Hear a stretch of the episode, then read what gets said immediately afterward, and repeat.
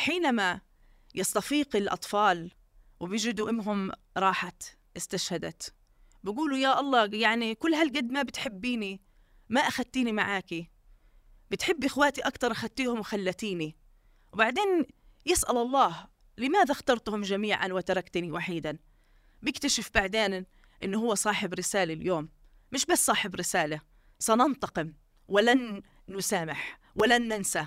هذا الجيل اللي إسرائيل تريد أن تبيده. هذا الجيل اللي اليوم 70% هم من الأطفال.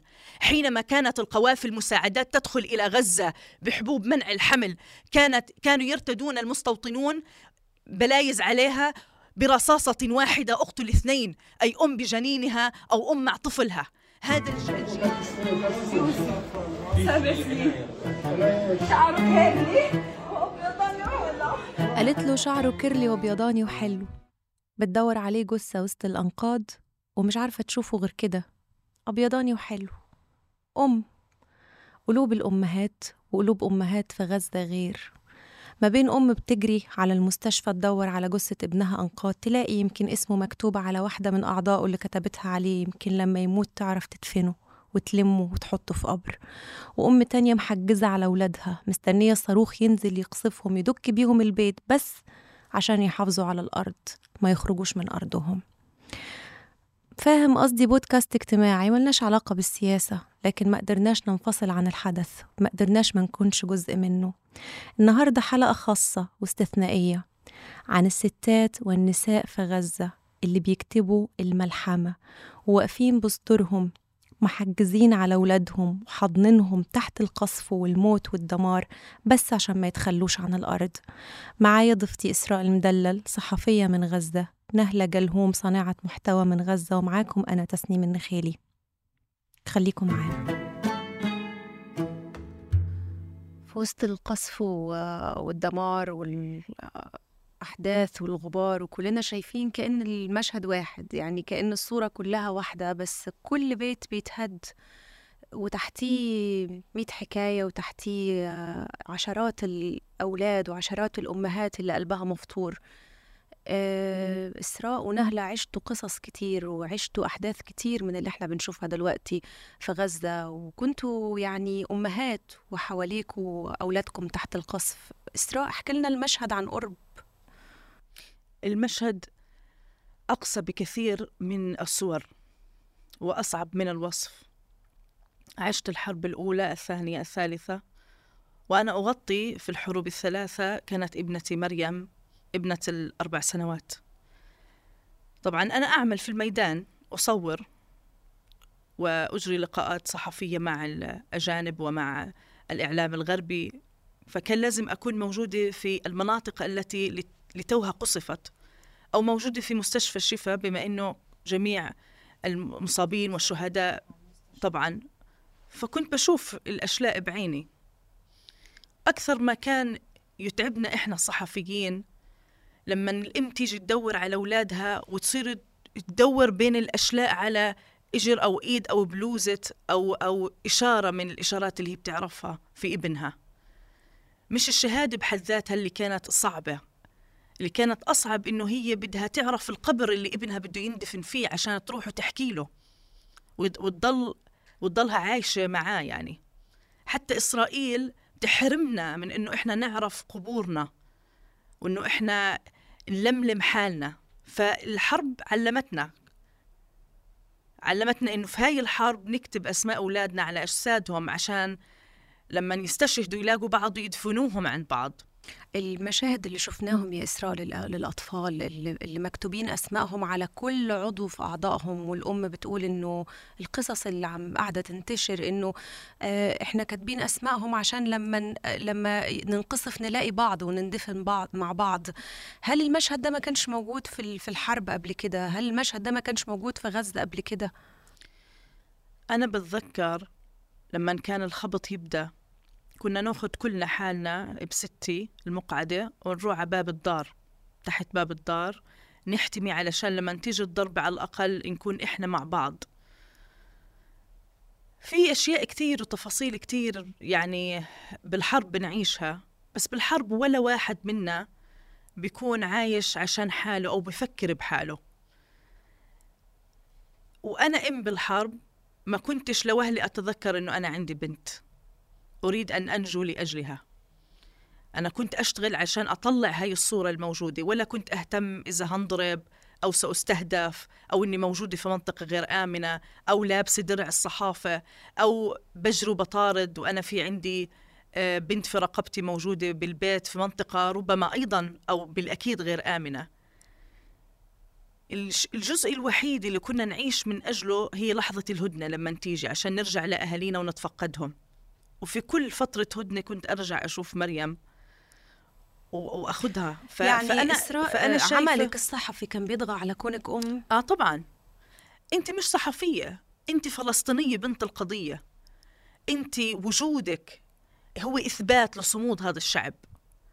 وكان لازم علينا إنه إحنا كنا نشتغل ونكون رسل للقضيه تاعتنا لأنه كل واحد عنده لغة ولغتنا هاي وصورتنا مش واصلة وما تستغربوا إذا بحكي لكم إنه كل ما يحدث في غزة من جرائم وإبادة جماعية ومحرقة وتطهير عرقي والأشلاء والصور للأطفال اللي بتدفقوا على المستشفيات مثل مثل زخ المطر الغرب لا يعرف عنه شيء لم يراه أصلا لأنها ممنوعة من النشر. هو يعني عنده إحساس إنسان فبالتالي ما بيقدر يشوف أشلاء أطفال. فهذه الصور أصلا ممنوعة. فإحنا الصوت الوحيد كصحفيين نعمل مع الإعلام الغربي. كنا قادرين على أنه نوصل حقيقة ما يحدث بالكلام ونسأل أسئلة مستفزة.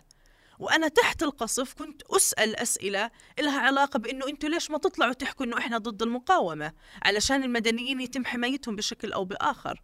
فإذا أنت كفلسطينية ضد حماس أو فتح أو الجهاد بالحرب كنا بنتوحد لأنه بالحرب المعركة هي بإيد الكفاح. المسلح اللي بتراهن عليه بنفس الوقت الكفاح الشعبي اللي هو إحنا صوت الشعب. نهلة عشتي كتير من الحروب في غزة وواقع كلنا شايفينه دلوقتي وعايشينه. وربما الأم مش ربما أكيد عليها مسؤولية يا إما بتحمي ولادها وتطمنهم وفي وسط كل الأزمة دي محتاجة إنها تاخدهم في حضنها وتشوف تأكلهم وتشربهم وتحميهم. ف برأيك إيه دور الأم في, في كل هذه الملحمة يعني؟ صحيح أنا عشت حرب 2012 وعشت جزء كبير من حرب 2014 اللي كانت مدتها 51 يوم. آه من لحسن حظي إن أنا أيامها ما كنتش أم لأنه أنا حاليا أم وقلبي بيتقطع وأنا مش وسطهم مش حواليهم لكن طبعا أهلي كلهم هناك تحت القصف وفي الدمار. ربنا يحفظ الجميع إن شاء الله. آه اللي أنا كنت بشوفه صراحة الأم الفلسطينية بتنقسم لنوعين. نوع بتخلي ولادها كلهم حواليها. حرفيا هي بتلم كل ولادها في غرفة هي بتكون أكتر غرفة داخلة لجوه في البيت يعني ما تكونش الغرفة دي على الشارع بعيد عن الشبابيك أكيد وبتلم ولادها حواليها وبتضمهم النوع الثاني أعرف أمهات عن قرب كانوا بيفرقوا ولادهم. يعني بتدي لجارتها ولادها بتدي لسلفتها اللي هي يعني قريبتها برضو ولادها بيوزعوا ولادهم علشان في حال اتوفت العيلة ديت أو قصفت أو استشهدوا يكون في حد أو اتنين باقي من العيلة يحمل اسمها ويكمل المسيرة. فالأمهات الفلسطينيات فعلا في أمهات بيلموا ولادهم والاثنين جبروت خلي بالك. يعني الاثنين مش سهل ابدا إن أنا أقول لك معلش خدي ابني خليه عندك أو بنتي خليها عندك لحسن يحصل لنا حاجة يبقى من بعدي. وخلي بالك منه هاتي ولادك أنا خلي بالي منهم. في ناس فعلا تبادلت أولادها في الحرب. وفي ناس خلاص إنه إحنا نموت كلنا سوا وما يبقاش حد من العيلة واللي يحصل يحصل لأنه طبعا في عائلات مسحت بالكامل من السجل المدني. وفي عائلات ترفض إنها تمسح من السجل المدني وبتكون عايزة أي حد يبقى لها. الأم تخيلي انت وضع الأم في الحرب. هي حيرة تشتيت خوف آه، عايزة توفر لاولادها كل حاجة مش عايزة تحسسهم ان ناقص حاجة لأنه طبعا الموارد بتكون قليلة جدا الأكل الشرب بيكونوا قليلين جدا. هي لازم قدر المستطاع تحافظ على اللي عندها في البيت علشان الله أعلم الحرب دي هتقعد قد إيه. الحروب في غزة بتبدأ ما بنعرف إمتى هتنتهي. يعني إحنا بنبدأ حرب في حرب فعليا استمرت 51 يوم. 51 يوم كل المحلات التجارية بتقصف المخابز بتقصف. انت كأم لازم تدبري نفسك بأقل الإمكانيات. تمام. دلوقتي البيوت الفلسطينية غالبا بيكون فيها الدقيق الطحين. ده مورد أساسي موجود في البيوت. الفلسطينية يعني 90% من البيوت هناك في غزة بتعتمد على إن الأم هي اللي بتصنع الخبز في البيت. يعني نسبة قليلة جدا اللي تشتري من المخابز. فلازم الأم مفيش تعتمد ما هو مفيش بيت. يعني الأم لا تصنع أنا خبز دلوقتي في في حال إن الأم لم يقصى في البيت. آه لم يقصى في البيت وهي موجودة في البيت لازم تحافظ على الموارد اللي منه. البيت الفلسطيني بيكون في حاجة اسمها مونة. دقة زعتر آه، ممكن يكون في زيتون مخلل لفترة ممكن يكون في حاجة اسمها مكدوس. في حاجات معينة بتكون موجودة في مكان اسمه المونة. المونة ديت هي بقى اللي بتكمل مع الناس ال الوقت اللي هو بتاع الحرب وال والست بقى بتعجز وبتخبز في بيتها وبت بتدبر أمورها بنفسها فهم بيعتمدوا على أقل الموارد ويعني بتحاول قدر المستطاع إنها فعلا تكون وزير اقتصاد في الوقت ده. إن أنا لازم أدبر أموري قدر المستطاع علشان أنا فعلا مش عارفة الموجة دي إمتى هتروح. الفكرة إنه هي مش عايشة اليوم. بالظبط. معاناة. هاي المعاناة انوجدت من أيام الانتفاضة بعد ما هجروا أجدادنا قسرا إلى غزة. انتفاضة تلو الأخرى حرب. تلو الأخرى. فبالتالي الأم الفلسطينية هي مش والله يعني شخص بعيد عن هالمسألة وبس بدها تراعي أولادها. هي جزء من هذا الصراع أصلا. فبالتالي هي اللي هتروح تقف على الطابور وهي اللي هتروح تجيب الطحين. يعني أنا أتذكر في الحرب صرنا نسميه بعد ما الخلص الحرب خلصت نقول يما اعملي لنا نفس الخبز تبع الحرب وأصبحنا نطلق عليه اسم خبز الحرب. خبز. المختلف عن لأنه خبز هذا الحرب؟ بنعمل على أي شيء غاز سواء أنت عندك آه، فرن آه، اللي هو فرن ال- ال- الطين مثلا أو عندك جرة أي المهم يكون في نار يعني وهذه بتجيبي أي مثلا صاجة بتجيبي آه، زي ال ال ال ال اللي هي شو بتقولوا عنها هي بتاعت البيض مقلاية مقلاية. آه. وبعدين بت- بتحطي فيه ال- ال- الخبزة بتكون طبعا رقيقة جدا يعني. بتحطي عليها إذا في عندك أي شيء يعني بدك تلحسيها أي شيء يعني بتتاكل بالنهاية. بس هو طلع زاكي فصرنا دائما نطلبه. فالأم الفلسطينية مش أول مرة تواجه. يعني إيه، إحنا صرنا نصنع من من من لا شيء كل شيء. الأم الفلسطينية لما اتهجرت من البلاد من ال 48 على مخيمات قطاع غزة شو كان معاها؟ هي طلعت من بيتها معهاش إشي فعليا. لأنه كانت يومين مجرد. فعلا يومين وهنرجع. دي- دي وبعدين الفكرة. صاروا يجيبوا من الخيش تبع الطحين بعد ما يخلص يعملوا منه شنط للصغار. وبعدين صاروا يجيبوا الفلافل ويحطوا عليها البندورة والخيار ويعملوا أكلة من يعني هاي الأكلة ما انوجدت أصلا في القاموس يعني. وبعدين صارت في أكلات تقولي شو أساسها؟ هي هل هذه موجودة في التراث الفلسطيني؟ بعدين تكت... هي للفقر هي من وحي الفقر. لأن الإنسان اللاجئ الفلسطيني حينما أباد وهجر هو هجر بكرامته بس. فبالتالي الأم الفلسطينية هي اللي كانت تداوي الجريح وتخبئ الشباب من من الجنود الاحتلال. وهي اللي كانت تدافع عنهم بصدرها الست طلعت. للاحتلال الإسرائيلي قالت له ما عندي أولاد بدك تطخني أنا بتطخني ما تطخ أولادي من قال إنه أنا كأم فلسطينية أستطيع أن أعطي ابني لغيري علشان يحيا هو ربنا يعني إذا كنت سأختلف معك في نقطة وهي موجودة وحدثت طبعاً، فعليا طبعاً، طبعاً. عند واحد اثنين ثلاثة لكن أنا أم وأنا أقسم أنه ابني بموت معي يا يحيي يا يعيش معي من الذي يقرر في ذلك هو الله هو الله. يعني هو الله بيقول والله أنا بدي أخذكم مع أم- إمكم وبضل واحد شاهد على المجزرة لكن لا تستطيع أي أم من الأمهات إنه هي تقول إنه آه، إنه أنا والله يعني ممكن تؤامر. بال... ليش؟ بالأطفال لأنه حينما يستفيق الأطفال وبيجدوا أمهم راحت استشهدت بقولوا يا الله يعني كل هالقد ما بتحبيني ما أخذتيني معاكي بتحبي إخواتي أكثر أخذتيهم وخلتيني وبعدين يسأل الله لماذا اخترتهم جميعا وتركتني وحيدا؟ بيكتشف بعدين انه هو صاحب رسالة اليوم. مش بس صاحب رسالة سننتقم ولن نسامح ولن ننسى. هذا الجيل اللي إسرائيل تريد أن تبيده. هذا الجيل اللي اليوم 70% هم من الأطفال.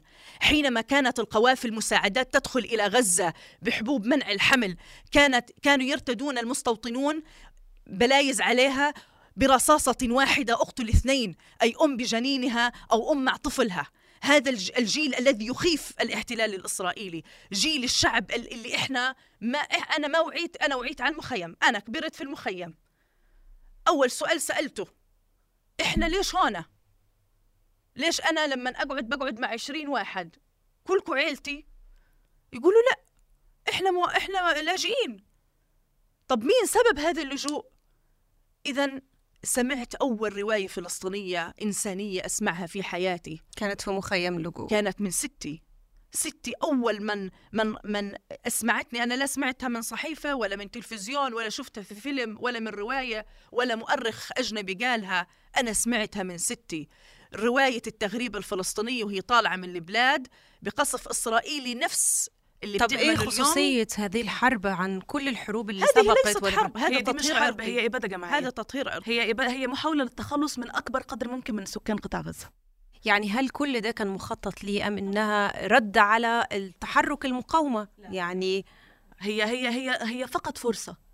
هي فقط فرصة هي هي فرصة هم حبوا يستغلوها لكن هي لا لا طبعا. يمكن لحد اليوم على صفحتك بتتسألي انت غزية غزدوية ولا مصرية ولا بتتكلمي مصري وعمالة تتكلمي بحرقة يعني وتعبري عن نساء غزة فمنين انت؟ أنا فلسطينية أصلا أمي مصرية أبويا من هربيا مواليد سنة 42 ومن الناس اللي اتهجرت من أرضه لوادي غزة وبعد 16 سنة هو خرج للعالم فقابل أمي فاتجوزها فهي من هنا كانت البداية يعني. لكن أنا فلسطينية أصلا أبويا فلسطيني من قرية هربيا الواقعة شمال غرب غزة. وعشتي في غزة. أنا كو- اتولدت في مصر وعشت أغلب عمري بين مصر وفلسطين وغزة كزيارات لغزة. ولكن رحت مرة زيارة لغزة في 2009 ومعرفش إيه اللي حصل ما بقتش عايزة أروح. كل العيلة خلاص هتمشي يعني أمي هتمشي العيلة هتمشي أنا مش عايزة أمشي أنا عايزة أفضل هنا. في حاجة خلتني لما دخلت المدينة دي مش عايزة أطلع منها. فدرست فيها ثانوي درست فيها جامعة قابلت يعني رفيق دربي في الجامعة واتجوزت هناك ويعني كملت وزوجك. فلسطيني. جوزي فلسطيني اب وأم آه. جوزي الحروب بقى بتسلسلها. صحيح آه عشت الحروب. يعني أنا زي ما قلت لك عشت حرب 8 أيام وعشت جزء كبير من حرب 51 يوم ويعني زي ما قلت لك أنا فعلا بحمد ربنا بما إننا بنتكلم عن الأم الفلسطينية إنه في وقت الحروب أنا ما كنتش أم المشهد اللي صوره شاب فلسطيني لأم. طالعة من تحت القصف ومعاها شنطة حقيبة عمالة تجرها أيوة. البيت بيقع ماسكة الشنطة دي شنطة إيه؟ الطوارئ شنط إيه فيها فيها الشنطة دي يعني. فيها إيه الشنطة دي شنطة الطوارئ بيكون فيها أهم حاجة بتمتلكها العيلة وهي هم مين أوراق الثبوتية. بالظبط هم مين؟ يعني انت في النهاية ممكن تتكلمي عن إنه ال ال الأماكن كلها اللي ليها علاقة مثلا بالأحوال المدنية أو غيره هي ممكن تكون خلاص مش الناس بت... موجوده بتكتب تعليقات من بره إنه الشنطة دي يا ترى إيه خصوصية الشنطة دي؟ دي فيها أكل فيها ذهب فيها فلوس فيها فيها إيه؟ كل شيء. هي الشنطة اللي هم فك يعني هم حاطين فيها أعز ما يملكوا. إيه أعز ما يملكوا في فترة زي دي؟ أولا أنا مين؟ ورق أو ثبوت بيثبت أنا مين.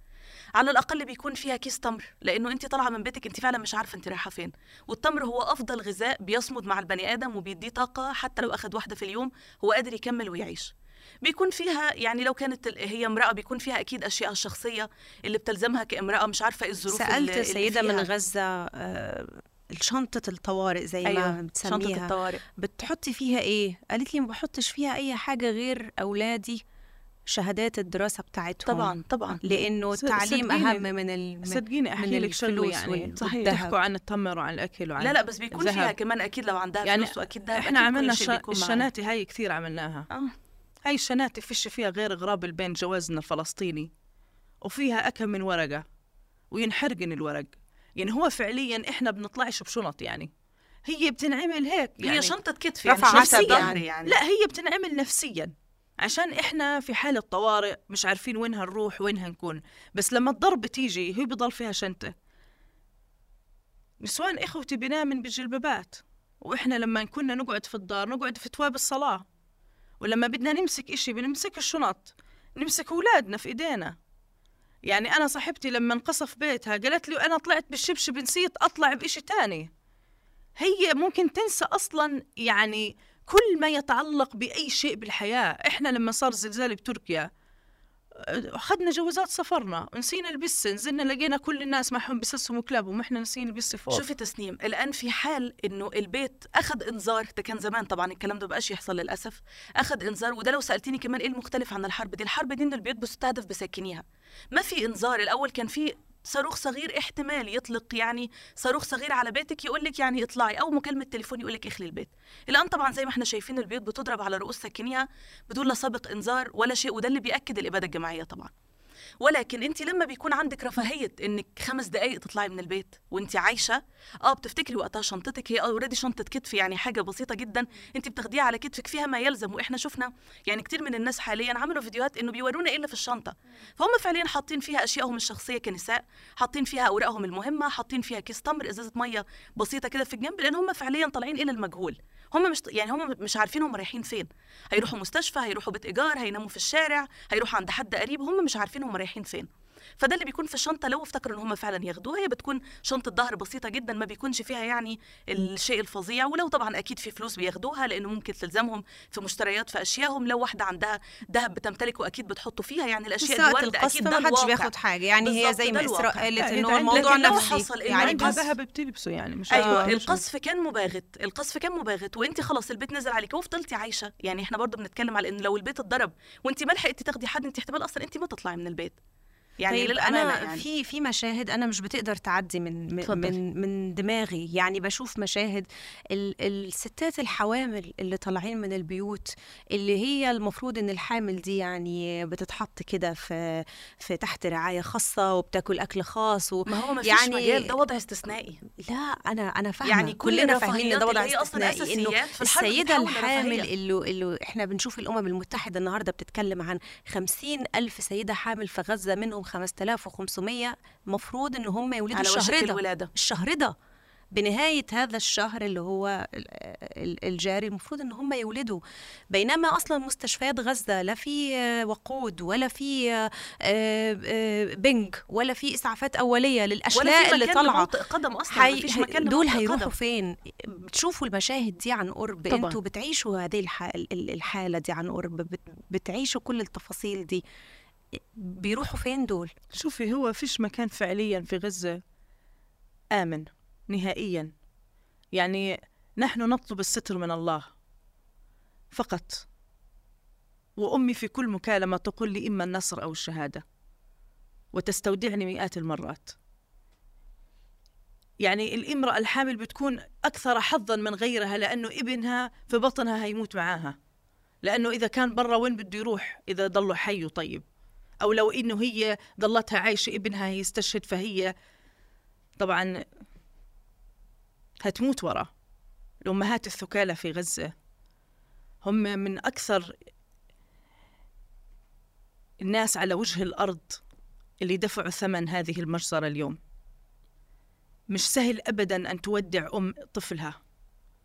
مش سهل أبدا أنه إحنا نخسر أولادنا ونقدمهم فداء هذا الوطن. لكن هذه معركة صمود وإيمان يا جماعة. أنا بعطي أولادي كلهم لفلسطين. أنا بعطي أولادي كلهم لفلسطين. وأنا بربي ابني على هذا الشيء. وأنا بشربه هذا الشيء. أكيد الكلام ككلام مش سهل لكن فعلا في أمهات هم بيجهزوا ولادهم للشهادة. هي بتلبس ابنها يعني في عندنا إحنا مثال شهير يعني. عن أم نضال فرحات هي امرأة فلسطينية هي اللي كانت بتجهز أولادها للشهادة. في النهاية في النهاية شوفي في النهاية إحنا عندنا يقين قوي جدا وعظيم جدا إنه البلد دي لينا. يعني يعني طالت الأيام أو قصرت مرت كمان 75 سنة أو ما مر في النهاية فلسطين راجعه راجعه ما فيش مفر. ففعليا انت وقت وقت المعارك ما في شيء غالي. انت فعليا خلاص انت انت بتشوفي الناس يعني بيستشهدوا بيوزعوا يعني- حلويات على انه بالظبط، إنه هو ده التحديد. اللي أنا عايزة الولد أقوله. غالي. أكيد طبعا غالي الولد جدا الولد جداً. أغلى شيء في الدنيا. لكن أي الولد. أي, أي نفسية بتجيبها ال- الست الفلسطينية اللي بتطلع تزرغت إحنا على مخيرين. تطلع يعني هو على- مخيرين. لا بتكلم عن الرسالة. ما يعني أنت وحيدة تماما ويا وحدنا يا وحدنا. و- والحرب فوقينا والدنيا بتقصف فينا والعرب مسكرين علينا. واخذوا أولادنا ودورنا. إحنا مش مخيرين مش هنكفر يعني. نقول إنا لله وإنا إليه راجعون. لكن حقنا يوم القيامة سيكون أضعاف مضاعفة. لأنه لأنه أولادنا غاليين. أولادنا مثل الأرض ومثل شجرة الزيتون غالية. إحنا كل شيء عندنا غالي. روحك. لكن الآن إسرائيل ما الذي تفعله؟ الآن هي لا- يعني لا تشن فقط هذه الأسلحة والقنابل المتفجرة والمحرمة وال وال والفتاكة دوليا. هي أيضا تسقط على أهالينا الفسفور الأبيض والقنابل ال- اللي يعني هي تعتبر جريمة حرب هذه في من أيام الفيتنام. هذه تسبب سرطانات للنساء أولا. وأنا أعرف سيدات كث- كثر إذا نجوا من الحرب يقتلهم السرطان. والأطفال كذلك. يعني ليش نروح لل- للنساء الحوامل؟ طب ما الآن عندنا في الشفاء قسم كامل لأطفال الزراعة اللي أهليهم بيستنوا فيهم من عشرين سنة ومن عشر سنين مهدد أي لحظة أنه يغلق وتقطع الكهرباء فالأجهزة فبالتالي مصيرهم الموت. يمكن كلنا شفنا الفترة اللي فاتت ال- ال- الفيديو الطفل اللي استشهد وواقف أبوه يقول بستنى فيه من عشرين سنة. يعني دي ده مش مش ظرف مش حالة. إسراء في بعض الأمهات لما يجي لهم تهديد بالقصف بيرفضوا يخلوا بيتهم. آه طبعا. نحن نرفض الإخلاء. نعم. إحنا بنموت على أرضنا. بنموت في بيوتنا. حتى لو هذا من من الأخذ بالأسباب إنه إنه لا تلقوا بأيديكم إلى التهلكة فأنا حنجو. ولادي التهلكة وحنجو. الوحيدة هم الاحتلال. النساء طبعا بتأخذ أولادها وبتخلي. ما في حدا بيجي إشعار إخلاء ما بيطلع. إخلاء البيت نفسه نعم. وليس إخلاء الأرض. آه، إخلاء آه، البيت طبعاً، طبعا. وقت إذا ال- إجا تليفون لإخلاء أكيد الناس بتخلي. كلهم بيخلوا. يعني هم بيطلعوا مسافة ما بيطلعوا يا بضربوا الدار بروح فيها يا هم بيشوفوا بيتهم قاعد ينهار أمام أعينهم.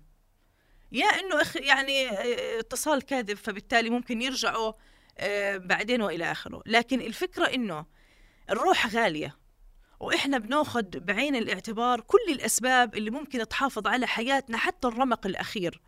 إذا الطفلة سوزان بقت ساعات طويلة ساعات طويلة وهي مش ماخذة كورس إسعافات أولية وسلامة الأمنية والسلامة ال- ال- النفسية علشان كيف تنجو؟ مسكت حجر وظلت تدق فيه تدق فيه لعند ما حد سمعها وأجى طلعها. نحن نتشبث في الحياة.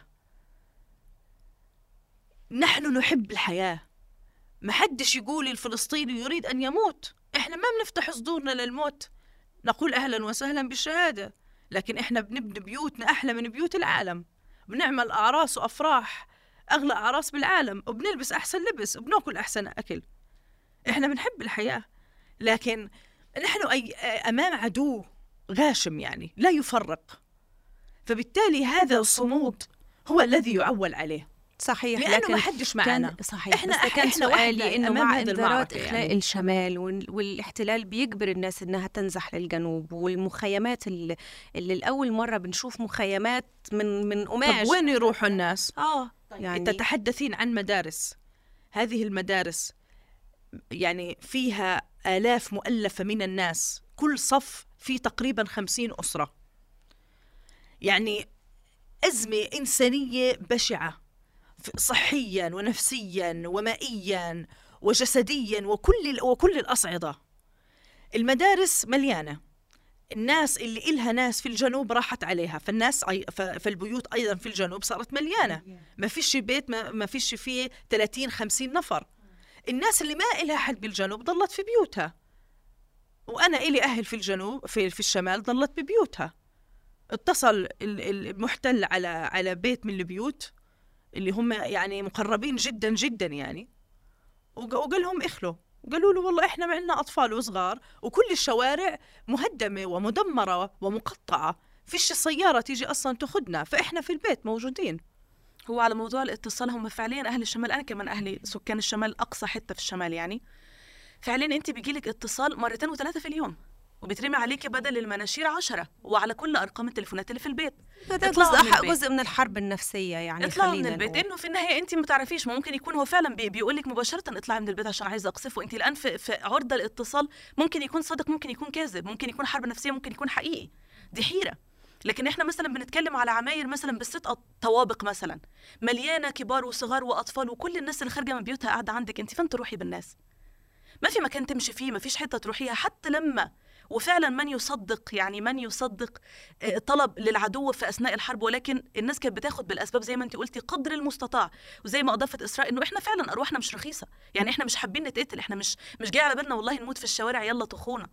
وطلعت الناس في محاولة للنجاة بما أعز ما تملك هم أبنائها اتقصفوا في الشارع. وأنا أخويا يعني باعتباره نجا باعجوبه يعني أنا كان في السيارة الملاصقة للسيارة اللي قصفت وأنا شفت الفيديو بعيني اللي في العربية ده أخويا.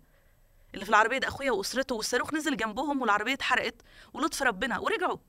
ففعليا سكان الشمال موجودين في الشمال. موجودين في الشمال الناس فين تروح؟ إسراء أنت في وقت من الأوقات كانت مريم بنتك بتعيش أجواء الحرب وأنت برا.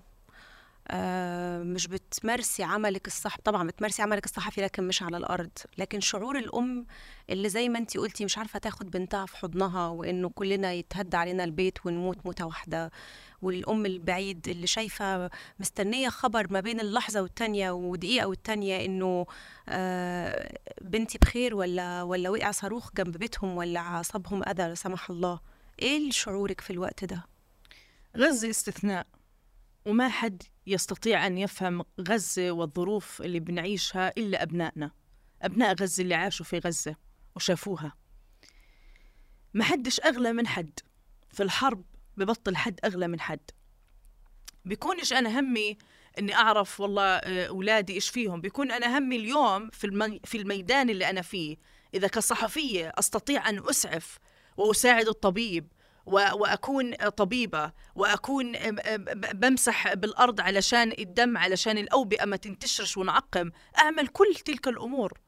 وبننزل كنا من من السيارات آه، ج- جثامين وإصابات وبنحطهم جوا واللي فاقدة أولادها نتصل عليها واللي بدهم مي نروح نجيب لهم واللي بده يشحن جواله نجيب له واللي بده يوصل شغلة لحدا في منطقة بعيدة إحنا كنا بسياراتنا نقدر نوصلها.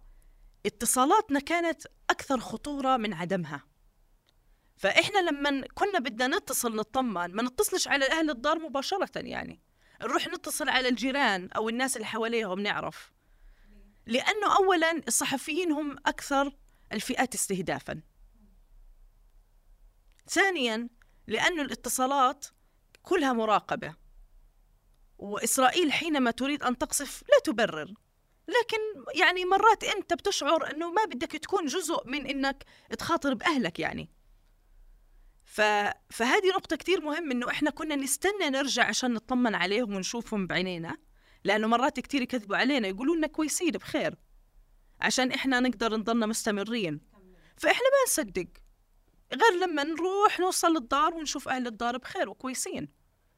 وغير هيك إنه ما كناش نقدر إن- الخوف والرعب اللي كنا بنشوفه برا أهل الدار مش شايفينه فيش إنترنت فيش شبكة فبالتالي هم مش عارفين شو بصير برا. يعني إحنا بنشوف فيديوهات أهالينا ما بيشوفوها. هل صحيح إحنا بنعيش الحالة أكتر من اللي أهل غزة عايشينه يعني لا إحنا الناس ولا اللي مرة برا لا ولا مرة بنعيش لا. الحالة النفسية الرعب والهلع. وهم إحنا بنعيش بنشوف بس الرسائل يا إسراء اللي هم بيكتبوها والأمهات اللي بيقولوا إحنا إحنا بخير وربنا منزل علينا الأمن والسكينة وإحنا مطمنين وهل فعلا إحنا بنعيش الحالة دي لأن إحنا شايفين مشهد كامل وهم يمكن شايفين بس البيوت المهدمة حواليهم طبيعي؟ اللي اللي أهله جوا زينا زي ولاد شباب غزة اللي واقفين هون وقاعدين وبيشتغلوا. وقلوبهم محروقة. ومش عارفين ياكلوا ولا يشربوا ولا يسمعوا حدا بضحك إحنا بيستفزنا اللي حد قاعد بيضحك وباكل وبيحكي في أي موضوع عابر أو تافه. هذا بيكون يعني في قمة المأساة اللي إحنا الآن كفلسطينيين في الخارج مجبورين إنه إحنا نواجهها للأسف. مجبورين نواجه العالم المزيف البشع المتوحش المنافق اللا شيء العدم. مجبورين يعني إنه إحنا نشوف الناس وهي بتأكل وبتشرب وعندها اطفالها وعادي. تصير تقول لماذا هذا العالم؟ بسلام. يعيشوا هيك بسلام وإحنا يعني نموت. وبنكون قلقانين أكثر. وخايفين أكثر. بمليون مرة. لكن لا شيء يمكن إنه نقارنه بضربة واحدة من من صاروخ المحتل على بيت. هذا الصاروخ يعني ما بيصير بالأفلام يعني. تجربة قاسية بتزلزل أطفالنا الرعب والخوف لعند ما صار 2 مليون غزاوي كلنا أصحاب أمراض نفسية. أنا لليوم بحبش أشوف الطيران عشان الطيارة بمخي هي الطيارة اللي بتقصف. كيف يعني يروحوا فيها ناس وهيك وسلام ويروحوا ينزلوا؟ لا هي الطيارة يا بتقصف يا يعني ما يكون في طيارة. الموت هو أكثر شيء يرعب الإنسان. حد بخاف من الموت فيك ولا حد لأنه إحنا شفناه الموت. القصف الإسرائيلي مش قصف يعني مش قصف والله ضربة وخلاص لا. هي هي بتهز كيانك من من جوا ومعاها أحلامك ومعاها تساؤلاتك ومعاها ال ال مئة ألف شغلة تانية أنت. أنا بتذكر مريم لليوم عمرها أربع سنين قاعدة بزاوية وحاطة إجريها زي هيك ومكبلة حالها ومغطية على راسها عشرة أيام بالقرنة. هاي بنتي كيف بدها تنسى؟ كيف بدها تنسى؟ اليوم عمرها 14 سنة 14 سنة وهي بتعيش حرب ورا حرب. هذه الحرب الوحيدة اللي نجت منها لأنها صارت عندي هون اليوم. 14 حرب من عمرها ومن ذاكرتها. وهي شاعرة بالحرب لأنها عاشتها وبتعرف شو يعني حرب. فيش مي فيش حمامات. الله يعزكم. فيش كهرباء فيش أخبار فيش رسائل. في قصف وفي جوع وفي ألم وفي حسرة وفي رعب. الرعب هذا اللي إسرائيل حولته للعالم على إنه أجانا إرهاب من غزة. الرعب هذا اللي من رشقات الصاروخية اللي بتصل غلاف غزة. هذا إحنا ما هذا ما بنعيشه إنه هيك خوف عادي لا. هذا بمزعنا. أنا ما ضلش فيا ولا خلية. يعني هل أنا الأم أنا بتقدر تمارس دور الطبيب النفسي لأولادها وتطمنهم وتاخدهم في حضنها في وسط كل هذه والله لما المأساة وتقول له طمن وما تخافش وحنكون كويسين بتقدر تعمل ده؟ آه تستطيع. المرأة الفلسطينية جبارة. جبارة جباره هي في النهايه عاشت يعني ظروف استثنائية تسنيم. يعني انت كل الأمهات كل الأمهات بلا استثناء في العالم هم هم استثناء. لكن غزة غزة بتختلف. يعني فعليا انت لما تتواصلي مع حد في غزة كنت بتواصل لسه مع صديقة قريب فبتقولي أنا طول النهار أنا متماسكة. فيش حاجة وأي خبطه أحضنهم واقفلوا ودنكم ويلا ومش عارفة إيه وكذا. انت عندك مسافة المسافة اللعينة دي اللي بين ما بتسمعي صوت الصاروخ نازل من الطيارة لحد ما انت وبين بيقع على راسك. انت مش عارفة فعليا هو رايح فين هو رايح عند مين. فأنت في أنت فعليا طبعا الصوت ده مش عادي. الصوت ده فعليا قلبك ما بيكون موجود في جسمك خلاص وأنت. أنت فعلا مش عارفة الصاروخ رايح فين. فأنت عندك المسافة دي طويلة وقاسية. ومميتة. أنا أنا أعمل إيه في وقت زي ده؟ أنت ما عليكي إلا إنك بتطمني ولادك اقفلوا ودنكم يلا مش عارفة إيه بتدعي أشياء أنت فعليا من جواكي بتموتي. قالت لي بيخلص النهار. طبعا أذان المغرب في غزة هو الكابوس. استغفر الله العظيم أذان المغرب في غزة بيدخل وقت المغرب خلاص. فعلا بيحل الرعب الرعب الرعب على كل الأطفال والأمهات. بعد ما بيقنعوا أولادهم بألف عافية إن هم يناموا في مخدة طبعا وفي يعني تحاول قدر المستطاع تخفف الصوت بتقولي أنا بنهار. ببكي بكاء شديد شديد شديد لأن أنا طول النهار قاعدة بشحن طاقة سلبية. أنا قاعدة خايفة مرعوبة متماسكة بمثل بتظاهر بحاجات مش فيا. ما عنديش أصلا أعصاب ولكن هم في النهاية ملهمش ذنب. لما يكون عندك طفل رضيع أنت هتعملي إيه؟ كل دموع الدنيا ما ما, ما في وقت ما في وقت تنهاري. بيعملوا حالهم بالليل من الخوف ما في وقت تنهاري. وهدول شو بدك تعملي معهم؟ لما أنت نفسك كأم بدك أصلا therapy يعني علشان تقدر تطلع من ال trauma اللي عشتيها وشفتيها وكل لحظة فقد أنت بتعيشيها. هذا البيت اللي انبنى حجرة حجرة طوبة طوبة بمصاريك وعرقك وشغل يعني جوزك. عمرك فعليا. يروح ينهد وبعد ما ينهد تصير تقولي طب إحنا مين بدنا يلحق مين؟ مين بده يضل عايش؟ طب إحنا لو رجعنا وين هنقعد؟ بتصيري تعملي سيناريوهات كلها قاتلة واحدة ورا الثانية لدرجة إنه إحنا نحرم حالنا نبكي. ولك تعيطش خليك زلمة؟ بكون امه ماتت قدام عينيه تعيطش خليك زلمة. أوعى تعيط أمك شهيدة. هل في أكثر ثقلا على الإنسان؟ إنه يعني لا يعبر عن إنسانيته. يعني أنا أريد أن أبكي. أنا أريد أن أصرخ. أنا أريد أن أقول أنا أريد أمي. أنا أريد أمي. لا أريد أن أمي تقتل. ليش أمي تروح؟ أنا أمي بتقول لي أنا هموت. شهيدة بقول لها بديش إسرائيل تأخذ عيلتي مني. مين قال لإسرائيل أنا بدي أعيش بدون أم وأب؟ مين؟ يعني إحنا محرمين حتى أن نعبر عن هذه المشاعر. مجبورين نبقى أقوياء وصامدين. تعبنا العالم أنا بديش أضل صامدة. أنا تعبت.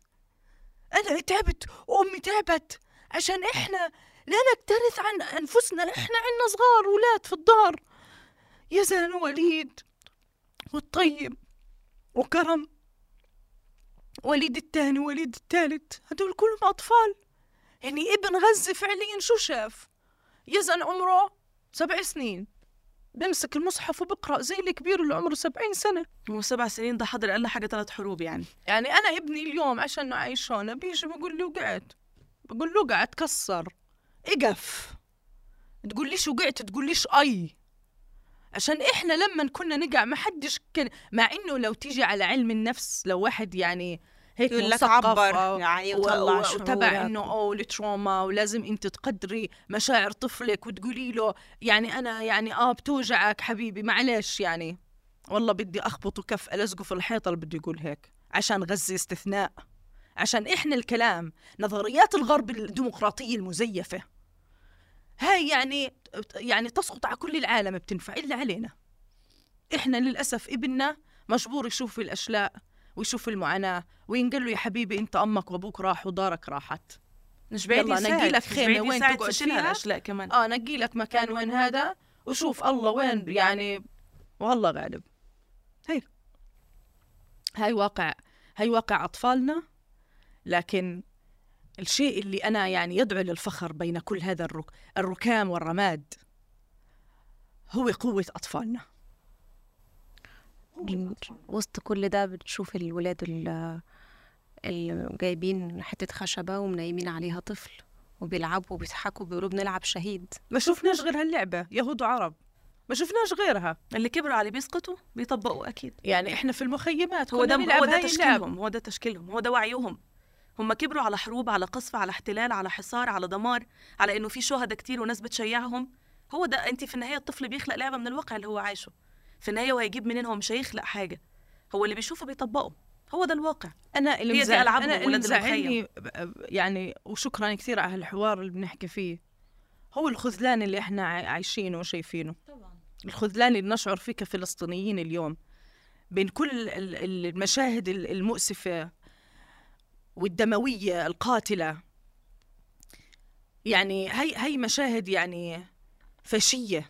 يعني مشاهد اللي بيصير بغزة يعني النساء بس بتسأل سؤال واحد هو أنتوا بتشوفوا اللي بيصير فلما هي تشعر بأنه فعلا إحنا يعني بالنسبة للعالم لا قيمة لنا تتشبث بالصمود أكثر وبتربي هذا الشيء عند أطفالنا. وهذا الشيء اللي إحنا كفلسطينيين اليوم بشعرنا بأهمية ثباتنا. عشان هيك الفلسطيني وين ما بروح بضله حامل قضيته وبضله رسول إلها. آه نهلة يمكن إحنا بنشوف دلوقتي أطفال من جنسيات مختلفة قاعدين في في غزة تحت القصف. ما كنتيش بتشوفي مثلا آه أطفال يمكن مصريين أمهم مصرية أبوهم فلسطيني أو من جنسيات أخرى أو يسألوا أهاليهم يعني أنا مش فلسطيني يا أخي أنت مقعدني ليه وقت تحت القصف ولا تحت الحرب ولا ولا وقت الحرب يعني بتذوب ال ال ال الجنسيات وبتذوب ال- ال- الحواجز اللي ما بين ال- الشعوب بالشكل ده؟ هو كونه موجود في موجود في غزة إذا الأب فلسطيني يعني هو فلسطيني. والحروب مشكلتها إن هي قدرية جدا. يعني أنا ممكن أكون عايش كل حياتي بره وصادف إن أنا رايح زيارة لأهلي. قامت الحرب صادف إن أنا واخد ولادي اللي من أم غير فلسطينية ورايح أوريهم لأهلي قامت الحرب. أنا كنت عايش طول عمري في غزة وطلعت مثلا زيارة لأي حد خارج غزة وقامت الحرب. الحروب قدرية. فانت وقت الحرب في حاجات كتيرة جدا تسألي عنها أكتر من إنه أنا هنا بعمل إيه. يعني فعليا انت كونك موجودة في فلسطين فانت خلاص فلسطينية. وأقول لك على حاجة تسنيم يمكن في ناس كتير مش فاهماها. في حاجة في غزة ما بيفهمها غير اللي بيروح هناك. يعني مش دايما كده يقول لك لو شربتي من نيل مصر ترجعي لها تاني علشان في وفي حاجة في غزة انت فعلا لو دخلتي أرضها في لازم تعي مثلا في حالة حب لشخص لمكان لشلة أصدقاء لهوى في حاجة بتحصل في غزة والله العظيم عجزت إن أنا أفهمها. إيه اللي بيخلي بني آدم عايش حياة مفتوحة؟ بيسافر بيروح بيجي منطلق في الدنيا أول ما يروح المدينة ديت يعشقها. يعشقها. أنا أنا فعلا أنا يعني بعد انتهاء الحرب أدعو كل الناس اللي بتتمكن تروح تاخد تصريحات وتدخل غزة وتقع في هذا الغرام. فعلا تقع في تشوف غزة. غزة مدينة فعلا عجيبة. انت ممكن يكون فعلا مش باقي حد من عيلتك بس انت جواكي طاقة حياة. انت عازفة انت مطربة انت شاعرة انت يعني مبدعة مثلا في التاريخ انت روائية. في حاجة بتحصل من كم الحطام يعني في في مأساة وتلاقي كده نور هو طالع طبعا ناس يعني هو طبعا ناس كل ناس كل أزمة ب يعني طبعا بت- طبعا طبعا. كثير من ال ال- والحرب الحالية لسه ما انتهت. يعني إحنا فعليا يمكن يكون ال ال الوصول لقطاع غزة بقى ضعيف. المحتوى اللي بيجي من قطاع غزة مؤخرا بقى قليل بسبب انقطاع الكهرباء والإنترنت والمشاكل ال- المتعمدة أنا برأيي اللي بتحصل هناك. في محاولة لعزل صوتهم عن العالم ولكن بعد الحروب هتخرج قصص ملهمة للعالم بشكل مش طبيعي. يعني أنا فعلا أدعو الناس إن هم يستنوا إن شاء الله يخلص الكابوس ده على خير. أنا يعني عيلتي كلها هناك. أنا كنت قاعدة بتخيل للحظة إنه يعني صاروخ واحد على بيت أهلي كفيل إنه يخليني أنا بلا عائله كده شخص ما جاي من الدنيا مش عارفة رايحة فين. ولكن أملي في ربنا كبير إن شاء الله ما يوجعش قلبي عليهم. ولكن أنا بدعو الناس إنه بعد الحرب تنتظر كمية الإلهام والأمل اللي هيخرج من هذه المدينة المحطمة. فعلا. في حاجة تقوليها لنا يا إسراء يعني نفس؟ الكلام اللي حكيته. نهلة عن شعورها لما تروح على غزة. وهذا الشعور كل شخص يعني حتى الأجانب بالمناسبة هو سحر هو لما سحر هو كانوا شيء يجوا عجيب كانوا يحكوا إنه كيف هذا الشعب؟ كريم جدا. زي الأبواب مفتوحة؟ يعني بح- بحلف عليكي يمين تتغدي عنده تغديتي. بحلف عليكي يمين تتعشي. وهو بيكونش لاقي يعني أكل إله. فالكرم اللي عند الناس طبعا. هذا هو اللي بيخلي غزة يعني شيء من النقيض بين الفرح والموت. وبين الحياة والشهادة وبين الحب والحرب والحرب. يعني هذه التناقضات لا يفهمها إلا من هو في غزة. لكن سنوات الحصار الطويلة خلت العالم فعلا لا يعرف عن غزة الكثير. حتى إحنا أولادنا بيننا وبين بعض ابن رام الله وابن غزة وابن القدس وابن غزة و48 وغزة مش عارف كيف غزة. وإضافة لكلامك إسراء إحنا غزة بالمناسبه 360 كيلومتر. يعني هي ممكن تكون مجموعة أحياء في مدينة كبيرة. غزة صغيرة جدا جدا جدا جدا فوق ما أي حد يتخيل. هي مساحة صغيرة. ولكن ممكن تلاقي أهل الشمال بيتكلموا لهجة مختلفة عن أهل الوسطى بيتكلموا لهجة مختلفة عن أهل الجنوب. يعني هي هي فعلا دولة هي هي تناقضات هي اختلافات هي ثقافات هي عادات أفراح هنا مختلفة عن هنا هي عادات عزا مختلفة هنا عن هنا. فإحنا فعليا حتى إحنا في غزة زي ما قالت إسراء إحنا مقفول علينا. إحنا ما بنعرف كتير عن الضفة ما بنعرف كتير عن أهل الداخل ما بنعرف لأنه شيء. هاي الصورة اللي الغرب كمان وظفها صح واشتغل عليها لعقود أنه يخرج عن غزة صورة الدمار. صحيح. والفقر. والمخيمات أكم من صورة هي فيها فعلا الصورة. آه، إحمار. أكم من كل صور غزة فيها كارة إحمار بموتوا على كرات الإحمار الأجانب. مش عارفة أنا شو المسألة يعني هل قد بيحبوا يشوفوا كرات الحمار في غزة؟ إحنا أولاد ناس أنا والدي بروفيسور أمي مديرة المنطقة التعليمية بالأونروا إخواتي كلهم معاهم الدكتوراه.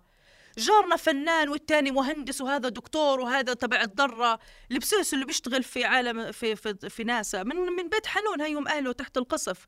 سليمان برك اللي بيشتغل في ناسا في الفضاء هيو أهله بخان يونس. إحنا أولادنا وبطون أمهاتنا ولدوا عباقرة ومؤرخين وكتاب وشعراء. الطلقة الأولى والثورة طلعت من عنا بس نفس هدول الناس بتحب وبتعشق وبتكتب وبتغني وبترقص وبتدبك غزة ما فيها أمية. نسبة الأمية تكاد لا تذكر. أعلى نسبة مثقفين من غزة. لكن فعلا هي في صورة نمطية في عدسة موجهة لشيء معين مش عايزين يخرجوا غزة منه. وده دورنا إحنا بعد كده لقدام. إحنا كل صناع المحتوى بكل مئات الآلاف اللي بتتابعنا إحنا فعليا لازم يكون إحنا بينا وبين نفسنا وقفه إنه غزة هي اللي تستحق التوثيق.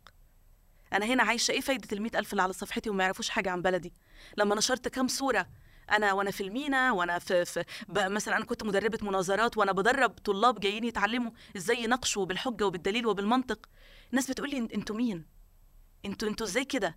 كل دول اخذوا المركز الأول. كل دي لما قلت لهم إنه أنا أختي اخذت الماستر من الجامعة الإسلامية والجامعة الإسلامية ما عادت موجودة من أفضل الجامعات العربية والعالمية. الناس عندها كمية علامات استفهام عن غزة وإحنا السبب. إحنا صناع المحتوى إحنا علينا الحق. فعلا الحرب دي وقفه مع أنفسنا كمان. إنه مئات الآلاف مش مش لازم تشوف مكان تاني. إحنا أبناء هذا الوطن وحق علينا. حتى لو إحنا فعلا بعد الحرب إن شاء الله كله ناوي يرجع فعليا يقيم حياة من أول وجديد لو حتى بنعرض حياتنا للخطر والله العظيم فداها. مش كلام والله مش عارات إحنا حاسين بشيء من الحرقة إنه أنا أنا هنا ليه؟ أنا بعمل إيه؟ أنا في الحياة ليه؟ أنا أغلى من كل الناس اللي بتموت هناك أغلى من كل الأمهات اللي خايفة على أولادها أغلى من كل الدم اللي بيهدر في الشوارع أغلى من كل البيوت اللي راحت. يعني أنا غزة غزة يعني في, في مأساة. أهالينا بغزة. أنا أنا أنا فعلا عيلتي كلها أنا لا أملك شيء خارج نعم غزة. وممكن أن نفجع بأي خبر يصلنا بين الفنية أو الأخرى. طبيعي. لكن على الفلسطيني أن ينجح أو أن ينجح. لذلك نحن هنا. والسلام ختام أنا بس انت يعني قلتي الخلاصة يا اسراء في وسط كل ال- الألم اللي أنتوا عايشينه والشباب واقفين ورا الكاميرات بي بيصوروا بي بيأدوا وانتوا واقفين هنا بتتكلموا. وأنا مش قادرة أقول قلبي معاكم عشان إحنا أنتوا في قلبي معانا. شكرا إن أنتوا جيتوا و...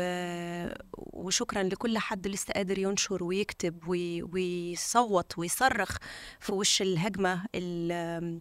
المميتة اللي بتحصل آه، لينا مش هقول ل- كلامنا لاهلنا الآن هو أضعف كفلسطين الايمان فعلاً. فده اللي في إيدينا وده اللي إحنا قادرين نعمله. كونوا بخير.